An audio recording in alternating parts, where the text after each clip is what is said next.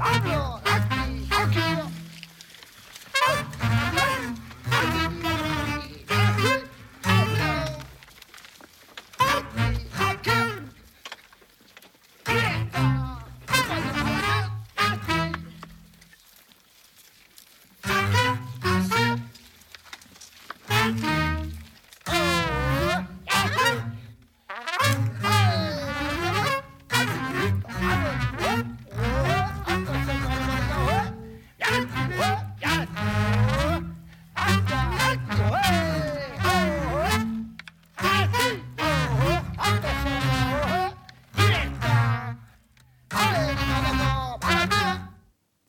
Góður áherindur verið hjartanlega velkomnir að hátalarunum.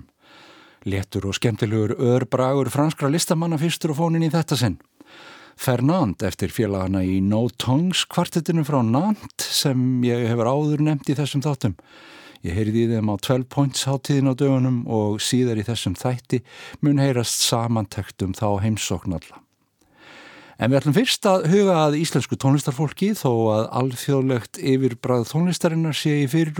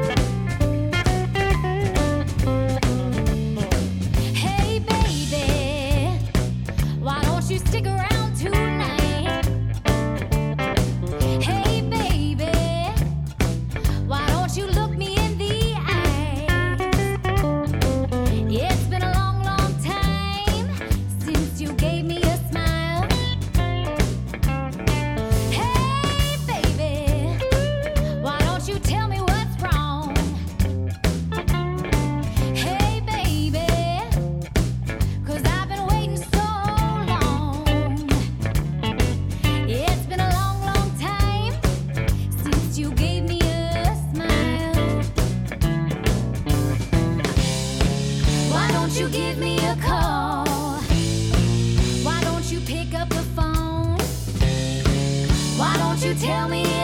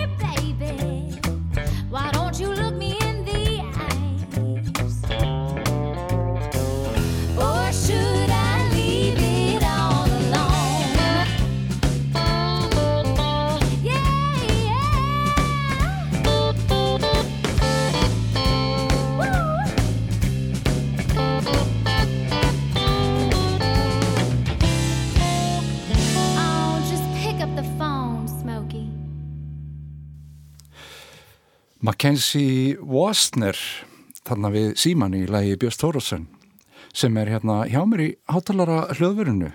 Ertu velkomin í þáttinn Björn Tórósson Takk fyrir. Og það er svona tengingin við Nashville og Robin Ford sem að heldur áfram og en svo ertu líka með einhverja þjóðveri á þínum snærum. Hvað, hvað er að gerast? Já, og núna á, á förstu daginn að þá er ég að spila með tveimur þjóðverum sem ég hef verið að spila aðeins með í Þýskalandi þeir eru frá Dusseldorf og e, við erum í, í hérna að spila í Hörpu í, sagt, í Kaldalóni uh -huh. klukkan nýjó á, á förstu daginn og þetta er svona verkefni sem ég óvart datt inn í það er svona e, að, að spila, fara á milli Evrópulanda og bæta alltaf einum eða tveimur mönnum frá hverju landi inn í hljómsveitina og þetta er svona uh, trommuleikarin er margreindur þetta er Peter Weiss ja.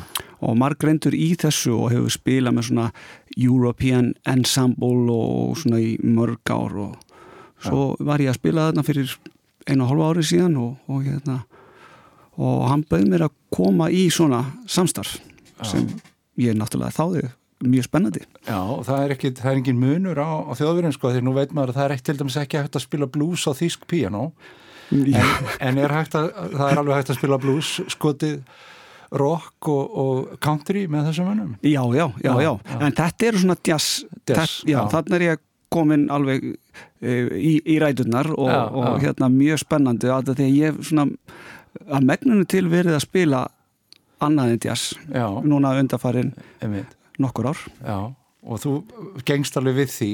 Já, mjög, mjög, mjög gaman og, og hérna, ég eldist allur við það. eldist eða eldist? Bæði. en segð mér aðeins meira, þú ert ennþá í þessu samstarfi við Robin Ford og hann kom nú að þessu lagi sem við vorum að hlusta á það ekki, var hann ekki producent að því? Jú, producent og spilar og gítar hérna með mér og, og, og stjórnar bandinu, þetta er hans menn sem spila hérna með mér. Já. Uh, ég, núna er ég svona ofisjál komin á hans leibul ja. með, með mitt efni sem ég vinn alltjent með honum mm -hmm. og það er komin ein og hálf plata sem, sagt, sem til er eh, sem sagt, á hans uh, útgáf, hjá hans útgáfi fyrirtæki og ja. Svo ég sé bara, þetta er bara mjög spennandi og mjög gaman og, og náttúrulega gríðalögur heiðu fyrir mig að fá að vera í þessu samkrulli ja. en ég segi alltaf ég er svona á, alveg á jörðinni er á meðan er Já, einmitt En er þetta unit með þessari söngunum Mackenzie Wasner, það er eitthvað sem er komið til að vera eitthvað? eitthvað? Já, já, já, hann vil gera eins út á þetta en það er svona ímislegt annað sem er í gangi sem sem, sem uh, hann er að spá í já. og ímislegt svona sem já, en hann bara við erum góði vinnir og, og hann finnst eitthvað eitthva skrítið við minn gítaleg þannig að hann hefur áhuga á að promotera það eitthvað. Já, hann er, hann er, með, hann er að reyna að fatta hvað þetta er Já, líklega sko. En það er líka, sko, textin eftir Erling Ótar, sonuðin Já, eftir Erling Já. og hann hefur verið svona heyrð skáldið Erlingur er kveikmyndagerðamæður sem býr í Los Angeles og, og hann hefur fengið rosalega fína dóma fyrir textana sem hann er að, sem hann er að gera og þeir eru hrifnir á hann meðal annars Robin er mjög hrifin á og finnst hann gera flotta texta ja. og þess vegna er hann þarna innanbors ja.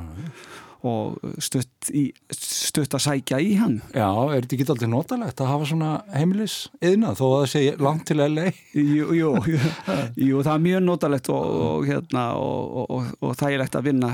Hann er svona ró, rólinda maður og hérna er engin læti í honum. Nei. En sko þó að sönguna þarna hafi nú setið beðið við síman þá þú gerir þú það ekkert sko. Þú ert með aðra hljómsveit hérna með unnibyrnu og, og, og flerum Já, emitt og það er mjög spennandi band og eiginlega uppáhaldsbandi mitt í dag. Og unnibyrna er náttúrulega algjörlega frábær, frábær listamöður hmm. og þetta er fólk sem er tölvest yngre en ég og, en það er svona einhver, einhver kraftur sem, sem hefur hérna sem er í þessu bandi og, og við náum einhvern veginn saman. Og, og skrít eða já, stórfurðulegt er að þegar við unnur berum saman bækur okkar að þá höfum við verið að hlusta á mikið sama sömu tónlist. Já, meðal annars hljómsveit sem heitir Mahovisna Orkestra. Já, já. ég held bara að ég var einn af við undrónum sem hefði verið að hlusta á þessa tónlist í gamla dag nei, þá er hún krakka skíturinn hérna. Sem hefur verið að hlusta á þetta En er það ekki pappin, er það ekki Bassi Mánum sem Jú, að jú. hefur haldið þess aðeins? akkurat, akkurat Já, ég þarf að fá fyrir unni hérna. Já. Hún heyrir í okkur þá fá hann að koma og spjalla um í hátalarinn. endilega En þið eru að, sko, tengjast líka í gegnum þetta lag, því þetta er náttúrulega af svona prog-rock slóðum daldið, eða svona folk-prog-rock slóðum. Já, já og þetta, þetta er eiginlega e, þegar ég var unglíku þá hlustaði ég mikið á, á djatróttöl eins og flestir svona strákar á þessum tíma þetta var Aha. svona svolítið strákarhljómsveit einmitt. og, og minn draumur náttúrulega var kannski þú veist, minn draumur var að kannski mun ég eitthvað tíma að spila með einhverjum af eða í einhverju svona hljómsveit í framtíðinni það var svona Já. draumur þegar ég var 12 ára en mér finnst hann hafa ræst svona hálfuleiti því að unnubyrna hefur verið að spila með 12 Já. undan farið 10 ár þannig að ég, I'm, ég er hálfa leið komin þannig inn Já, fer- fer inn baktir að mig. svona. ferinn bakdýra minn og meiri segja að þá sendir unnur hérna, þessa upptöku á Æjan Andersson að þau eru, þeir, eru- þau eru góðu vinir og, og mér skilst að Æjan hafi hérna uh, sagt að þetta væri flott, flott gítarspil á, á, í þessu lagi. Þannig að ég er ég get þess vegna hætt bara í bransanum núna. Ég er búin að ná öllum. Þakkaði fyrir það. Að hætta hérna í beinni útsendingu hjá hérna í hátalarinn það er sama hvaðan góða fréttir koma. Við skulum enda þetta á því að heyra þetta lag með, með ykkur unnibinnu og hverju eru fleiri í vandinu? Skúli Gísla? Skúli Gísla og Skafti Sigur ekki Skafti Flossarsson Já, passa og tónleikarnir með þjóðverunum á fyrstu. á förstu daginn klukka nýju, hörpu, Takk fyrir kominu Björn. takk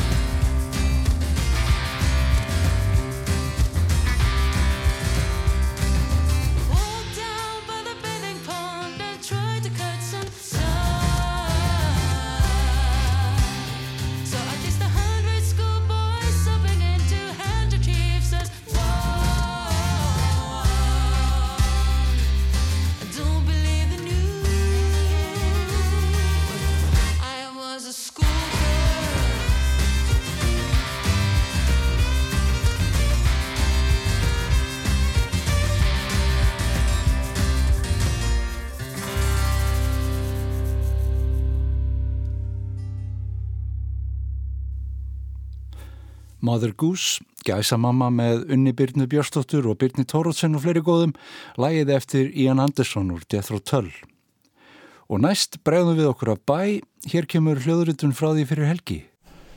Ég er hérna í húsakinnum Listaháskóla Íslands í Skipholti, tónlistadeildinni þar með Alla Ingólfsinni, professor, við erum að professorast hérna daldi allir, vorum að professorast hér með, með mastersnefnum í tónsmiðum Já, það er rétt. og þetta er svona, þeir eru með þetta reglulega, þetta er svona umræðu hópur sem þið búið til og, og hittist á föstasmanni og, og ræði svona landsins gagn og nöðsynjar í, í fæinu. Já, um, við tókum upp á þessu til þess að sko við verðum vör við þörfina einfallega hjá nefnendum að stundum að, að, að hérna, stjórnanferðinni um, það er auðvitað gott og blessað að kynna þau fyrir ímsu komið fyrirlestra, lærða fyrirlestra og analýsur og svo framvegis.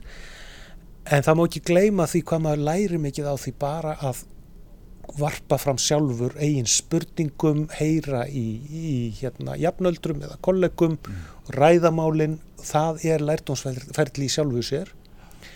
Þannig að uh, föstudagsmornarnir hjá okkur, það er nú ímislegt sem fer fram, þau vita að þau geta mætt hingað alltaf á þeim tíma.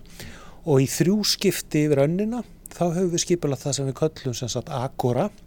Agora er gríska orðið fyrir, fyrir torg, umræðu torg, þar sem við, við einmitt skiptust á að að stinga upp á umræðefni og, og síðan er bóðið uh, lærðum gestum eins og þér til dæmis til þess að taka þátt.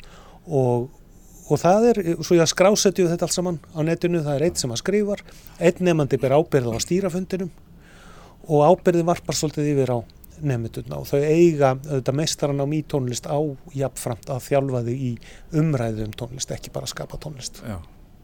Og hefur þetta verið, svona, þetta var, þetta var mjög almennt hjá okkur hérna í dag, en, en er þetta yfirleitt hannig, svona mjög opið? Það er bara mjög misjant. Um, jú, vissulega fer umræðan oft út um víðan völl. Nú þurfti ég að rifja upp, sko, þetta sjá á netinu, já, til dæmis, jú, hérna, viðfánsefni sem, eh, sem hafa b- b- borðið að góma þarna er samskipti við hljóðfæraleikara. Mm. Um, hvaðan kemur innblástur? Mhm. Ég man eftir þessum dæmum uh, og síðan eru áhyggjur af, af afkomunni Já, eins og já, þú heyrðir í morgun líka. Afkomu kvíðin. afkomu kvíðin það uh, eðlilega og það er mjög gott að geta rætt það er hreinskýrinslega og svona. Finnst þér, sko, ungt fólk í dag, er það meira eða minna að pæli þessu heldur en hefur verið? þetta er góð spurning. Nú sko er rétt að geta þess að meistaranámið það er ekki, ekki alltaf ungt fólk sem það er. Nei, þetta er oft saman fólk sem kemur í eins konar endumentun eftir, eftir að hafa starfað í 20 ár kannski út á vellinum, tónvellinum. En af því unga fólki sem að ég hef uh, kynst emitt í gegnum námið uh, já, ég held ég geti sagt það að ég kannist ekki við úr mín minni æsku sömu uh, sama kvíða og sömu umhugsun um hvernig eigi að lifa af því að ég hafði alltaf einhvern veginn trú á að hlutinni myndu reddast Já. það er kannski kjánalegt og þau eru miklu raunsærri í dag að mörguleiti og heimurinn eru þetta öðruvísi Já, og eru stærri og, og flóknari já. En þú talar um að, að sko, sért sjálfur alin upp við að, að svona þetta reddist. Gerir það það? Nei, nei uh, en það reddast sko hið innra. Ég er reyndar mjög lánsamur. Mhm. ég verða að viðkynna það, ég ætla ekki að þykjast hafa þjáðst Mm. neitt óskaplega því ég hef geta helgað mestan minn tíma tónsmiðum leng, lengst af æfinar en, en ég vitna stundum í svar Olivier Messiaen í, sem að mér var hérna, sagt af manni sem var viðstattur þegar hann var spurður af mannesku í bekknum hvernig, hvernig músík á ég nú að skrifa til þess að geta lifað af maestro, sagði spurði þessi manneskja og, og hérna meistarinn Messiaen svaraði eftir dálitla þögn, hann sagði Messieurs faites une œuvre punktur. Hann rætti það ekki frekar. Þessi setning þýðir herra mínir uh, gjörið verk. Já. byrjaði á því að gera eitthvað sem að ka- kallast má verk Mm. sem einhverju máli skiptir. Og hann hafði ekki áhuga að ræða þetta frekar. En það er alveg satt að það er auðvitað upp á spunkturinn og ég var mjög stoltur af því að sjá í morgun þá bara þetta svolítið á góma í umræðunni Aha. að þú sást, ég var enda mjög hrifin af, af þeirri þessari setningu sem að kom frá einu nefndanum sko tónsmíðar munu kenna þér markaðsetningu Já. hvort sem þetta er al, algjörlega rétt en, Mhm. en það er hægt að skilja þetta þannig að ef þú hefur innihald Já. þá áttu ekki að láta hitt vefjast fyrir þér Nei, það, sko, það er nú, þetta er nú sagt um ljóðið sko, að það rati til sinna. Já. og er þetta ekki það sama sko, mér finnst nú að, að þetta sé svona hættan sé kannski mest þegar að, þegar að fólk fer að sko reyna eldast við einhvern óskilgreindan markað alveg reynd, Mm. alveg reynd en því má ekki rögla sama við samt kannski uh, sko við það bara góma líka í morgun uh, hérna, nefndi listamenn sem hafa verið mjög uh, samkvæmir sjálfum sér alla æfi mm. og yfirleitt bara við, hérna, starfað gert tónlist í, í einum stíl eða með einu yfirbræða svo framvegis þeir teknum svolítið sem dæmi um fólk sem að, sem að fylgi bara hjartanu Mm. En við þekkjum auðvitað frábæra listamenn sem að hafa sem er ekki hægt að segja þetta um. Stravinski til dæmis Já, já. það, það eina sem að það eina sem sameinar Stravinski fyrsta, annan, þrið og fjórða stíl er það ekki bara gæði eða, eða, einhver, eða einhver, ég veit það ekki það er bara, En uh, ég hjó eftir því líka, þú nefndir sjálfur þannig uh, í lokinu á þessu spjalli í morgun, þá varst að tala um að það hefði verið sko mikilvægur hluti, mikilvægt tímabil í, í hverri tónlistar stefnu eða hverju tónlistar tímabili. Það var þegar að það var svona, þegar að léttleikin kannski tók yfir, já, kom inn í þróun ákveðinu tónlistar á ákveðnum krafti. já þetta er, þetta var allt í einu áttæði með á þessu að það sem eru kallaðar mestu byltingar tónlistasögunar virðast við fyrstu sín gætu vist vera mjög yfirbóskendar breytingar. Mm og ég nefndi þarna þegar Monteverdi átt að segja á því að eða ákveður að, að yfirgefa fjölröttun Mm. í þáu undirspils og laglínu bassi undirspil og laglínu.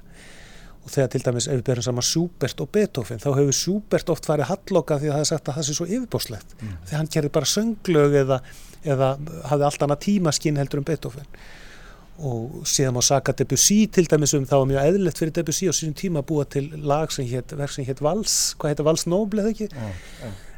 um, uh, eitthvað sem virðist vera hálfgjör fróða Já. og þetta gerist hvað eftir annað líka breytingin frá barokktímanum yfir í klassiska tíman Mm.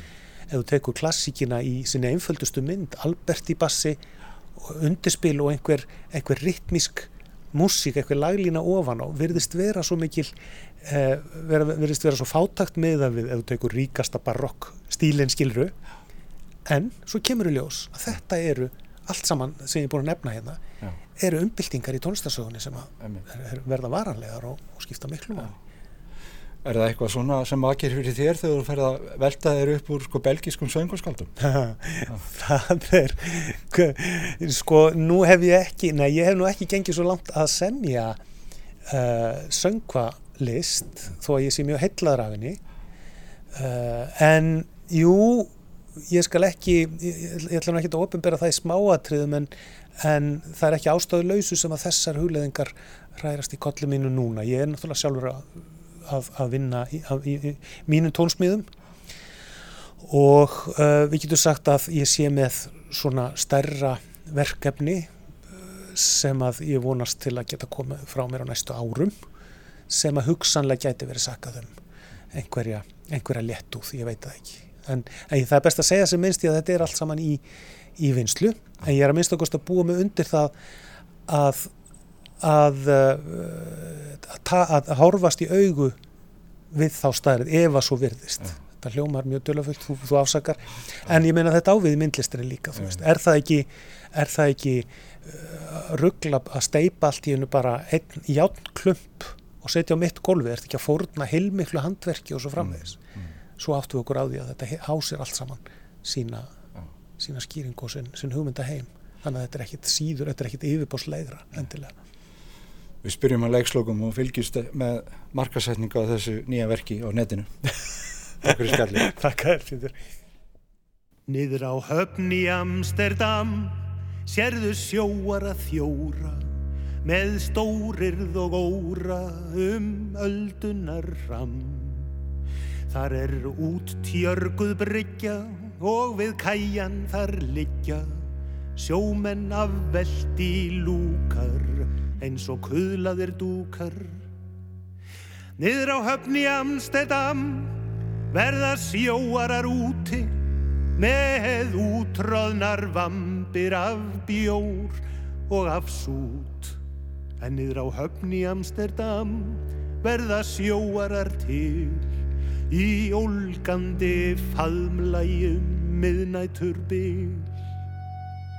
Niður á höfn í Amsterdam og á skörðóta diska bera vertarnir fram löðrandi fiska fyrir sjómenn sem flíkað þá tönnum sem bruðið gætu árar og tófýr tungl eða guði og frönskunar ánga af gellum og lísi og lúkunar ganga og þeir móka þeim í sig. Lok standa þeir upp með miklu brambolti neppað sér brókinni og rópa með stolti niður á höfni Amsterdam stígur sjóari dans og fraukan í skvapi við vömbina hans. Svona hamast þeir móðir í kófinu þykku við ískrandi hljóðin út bilaðri nikku.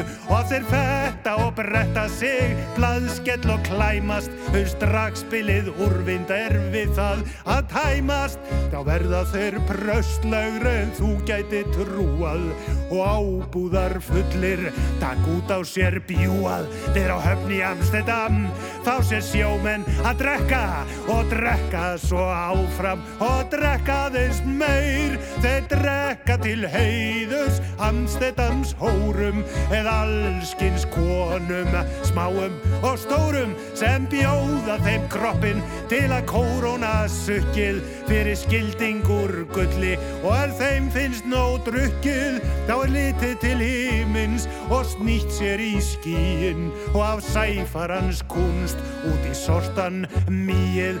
Nýr á höfni Amsterdam nýr á höfni Amsterdam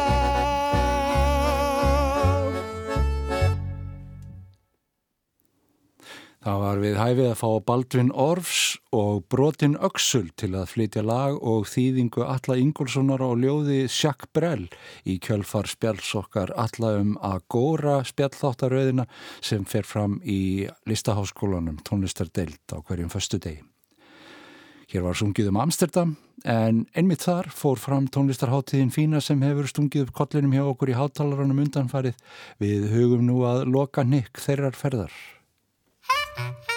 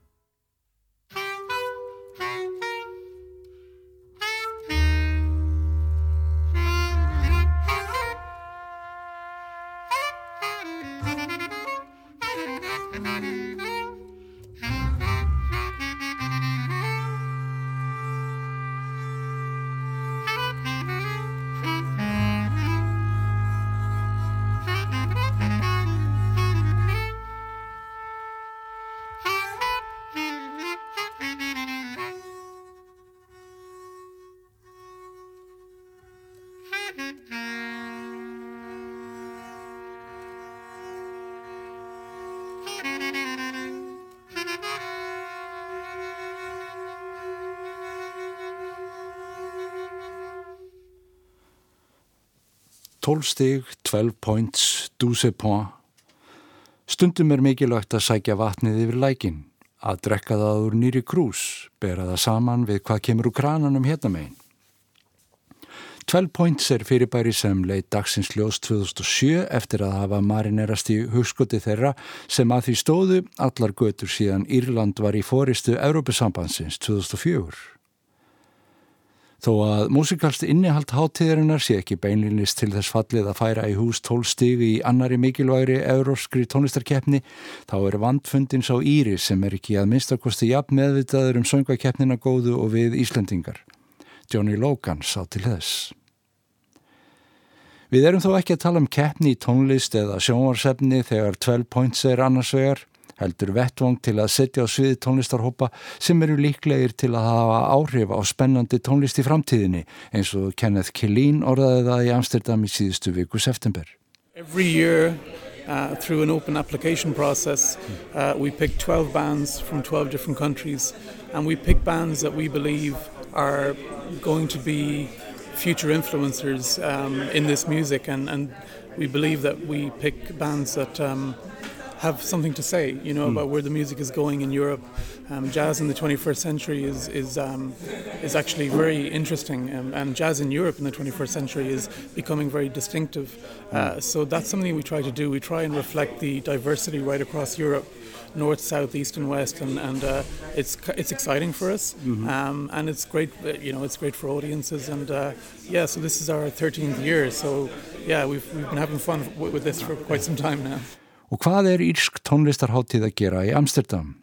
Jú, annað hvert ár leipur hún heimdraganum eins og ungviði hljóðsins þarf að gera til að viðra sig og bera sig saman við aðra. 12 Points leggur sem sagt land undir fót, sækir sitt vatni yfir lækin og heimsækir aðrar tónlistarháttíðir eða reysir sín háttíðar tjöld í músikalskri borg. Það er vel við hæfið að setja upp fjöguradaga hátíð 12 nýra hljómsveita í Bimhús í Amsterdam en sá nafnfrægi klúpur hefur verið starfræktur í Musikgebá, hörpu þeirra hollendinga síðan 2005 en þar áður síðan 1974 í næsta nákværinni við Rauðakverfið í Amsterdam þegar Bimhús var evróski staðurinn fyrir framsækna spunatónlist. Bimhús dagsins í dag er ekki aðeins frábær tónleikastaður heldur er streymt þaðan mynd og hljóði frá flestum ef ekki öllum 300 viðburðum hvers árs. Það er enþá hægt að sjá og heyra 12 points á heimasíðunni bimhús.nl. Og tónlistin var fjölbreytt svo ekki sem meira sagt. Þverskurður af evrósku tónlistarlífi frá Belfast og London í vestri og Pólandi og Finnlandi í austri. Úr suðri kom músik frá Fenegjum og Katalóníu og úr norðrinu frá Þrámteimi. Og miða-Evrópa var þarna líka, Amsterdam sjálf slíkur suðupottur mannlífs að það sem einkennir oft hljómsveitir þaðan er að meðliminnir geta verið hvaðan sem er. Það vakti aðtikli mína að Family Band frá London og Robo Cobra kvartettin frá Belfast beittu mjög hinnu talaða orði í sinni músik. Family Band spilar af miklum ákafa í anda þeirra sem röktu upp síðboppið með því að svinga út fyrir girðingar taktegundana í opnum spuna. Þegar ofan á það bætast svo tilvittnanir misvitra stjórnmálamanna samtímans verður til augrandi og áheyrileg blanda. Og Robocobra frá Belfast flytur músik sem stendur á pönkaðri grunni en hleypir þó að sér saxofónum og elektrónik sem súrar hana saman á ómótstæðilegan hátt. Gríðarlegt musikalitet einkendi lang flesta hljómsveitur og einstaklinga á 12 points. Pólski pianistinn Kasia Pietrsko og tríó hennar var eiginlega fulltrúi hins hefðbundna. Enn eitt pianotríóði, Dæsa bókarar evróskra klúpa og solopiano Savi Torres var sömuleiðis á kunnulugum slóðum, spunnið jú en greinilega byggt á fyrirfram ákveðnum vörðum, romantíst á köplum. Velspilandi hljómsveit er eitthvað sem gleður mjög við hvaða tilefni sem er. Að finna fyrir leikgleði og uppáttekki semmi frá sviðinu er það sem dregur áherendan inn í ævintýrið. Kato Kaiku tríóið frá Finnlandi og tríó Heinz Herbert frá Sviss koma upp í hugan sem príðis fararstjórar í óvissuferðum tónlistarinnar. Og það má líka nefna þá sem beita sjónrænum meðlum í sinni list í Karai hljómsveitin frá Amsterdam hljóðsetti einn af nefaleikum Muhammads Ali á sviðinu. Uppgötun þessar hátíðar var kvartett frá Nant í Fraklandi, No Tongues sem skipaður er tveimur kontrabassaleikurum, trompetleikara og saxofónleikara. Þeir fengu mín tólfstig. Gríðarlega spennandi hljóðheimur og samspil í hæsta gæðaflokki. Plata þeirra Le Voix du Monde er aðgengileg á streymisveitum og færir okkur heim sanninum að vegir tónlistarheimsins eru raunverulega óransanganleir.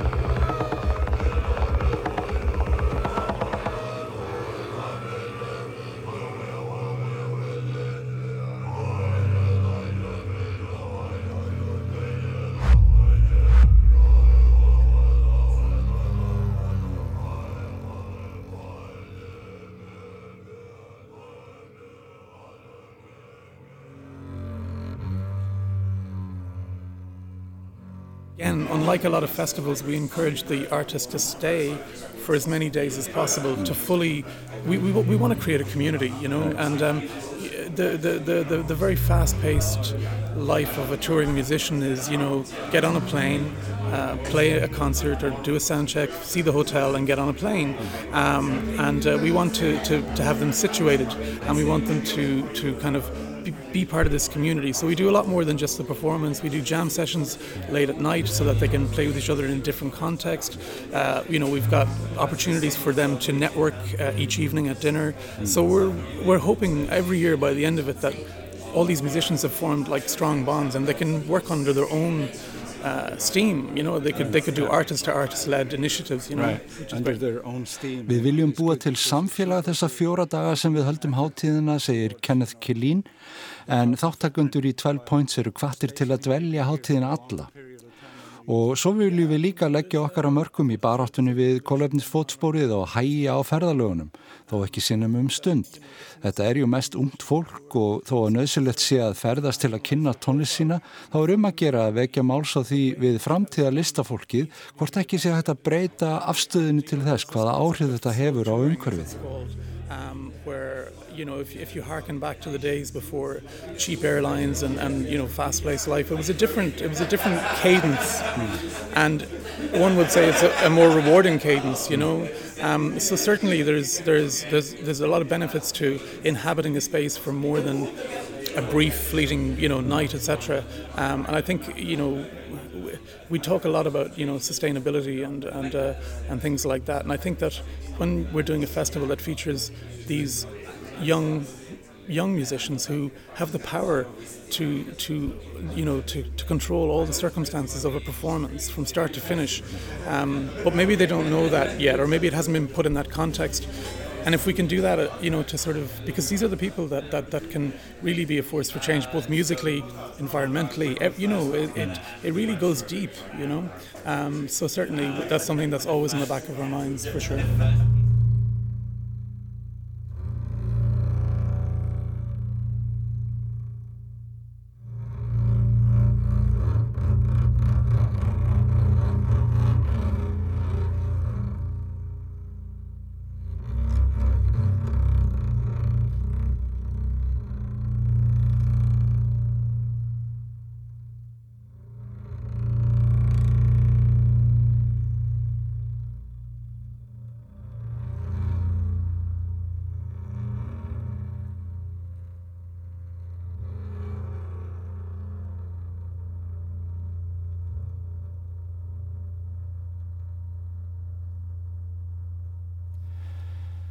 Það var á 12 points líka sérstök appelsínugul tónlistarlína sem Bimhús tónleikastaðurinn setti saman með listafólki úr sínu nærumhverfi.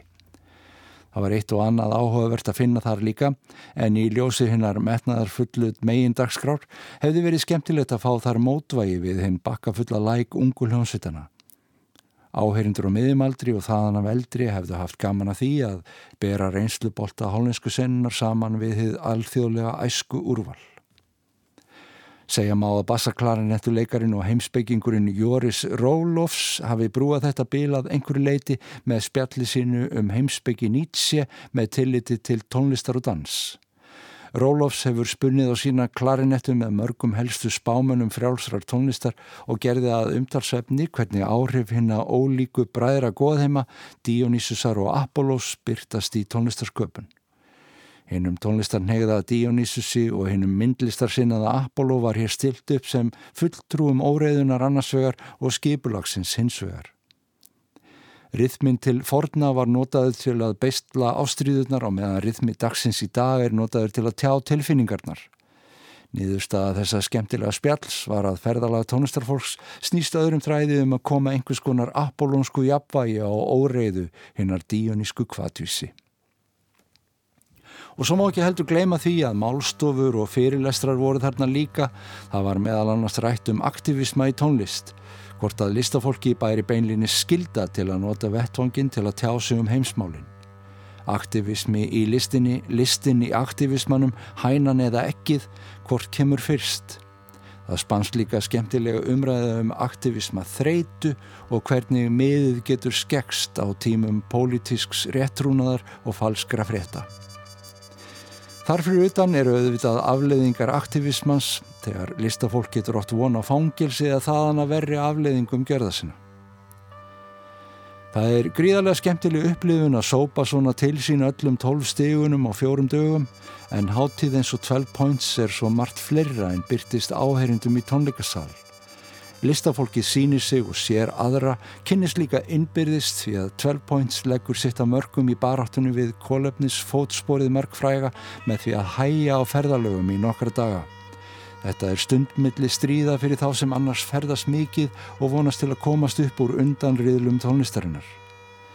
Bresku þáttakandunir geta allt eins átt vona því að vekkferð þeirra á, í Evrópukeppninni sé í uppnámi að allt í einu verði settar upp grindur á þeirra hlaupabraut. Leikvöllurinn er jafn lifandi og óreiðan sem umlikuran. Hvernig skildu þeir Dionysus og Apollo eiga eftir að kjafta sig út úr því?